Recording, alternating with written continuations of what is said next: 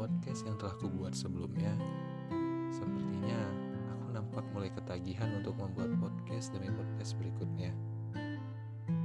Terlepas dari suka atau tidak, ya setidaknya melalui podcast ini aku hanya membagi pengalaman. Semoga apa yang kuceritakan bisa bermanfaat untuk kalian yang masih mendengarkan.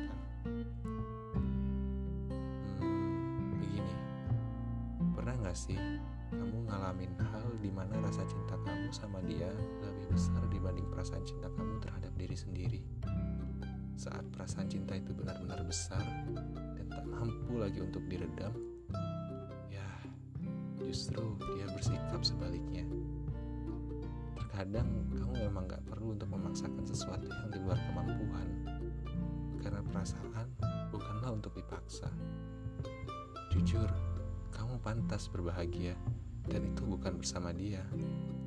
Biarkan dia menentukan jalan perasaannya sendiri, dan yakinlah ada satu bahagia yang akan kamu temukan. Tentunya setelah melepas ia.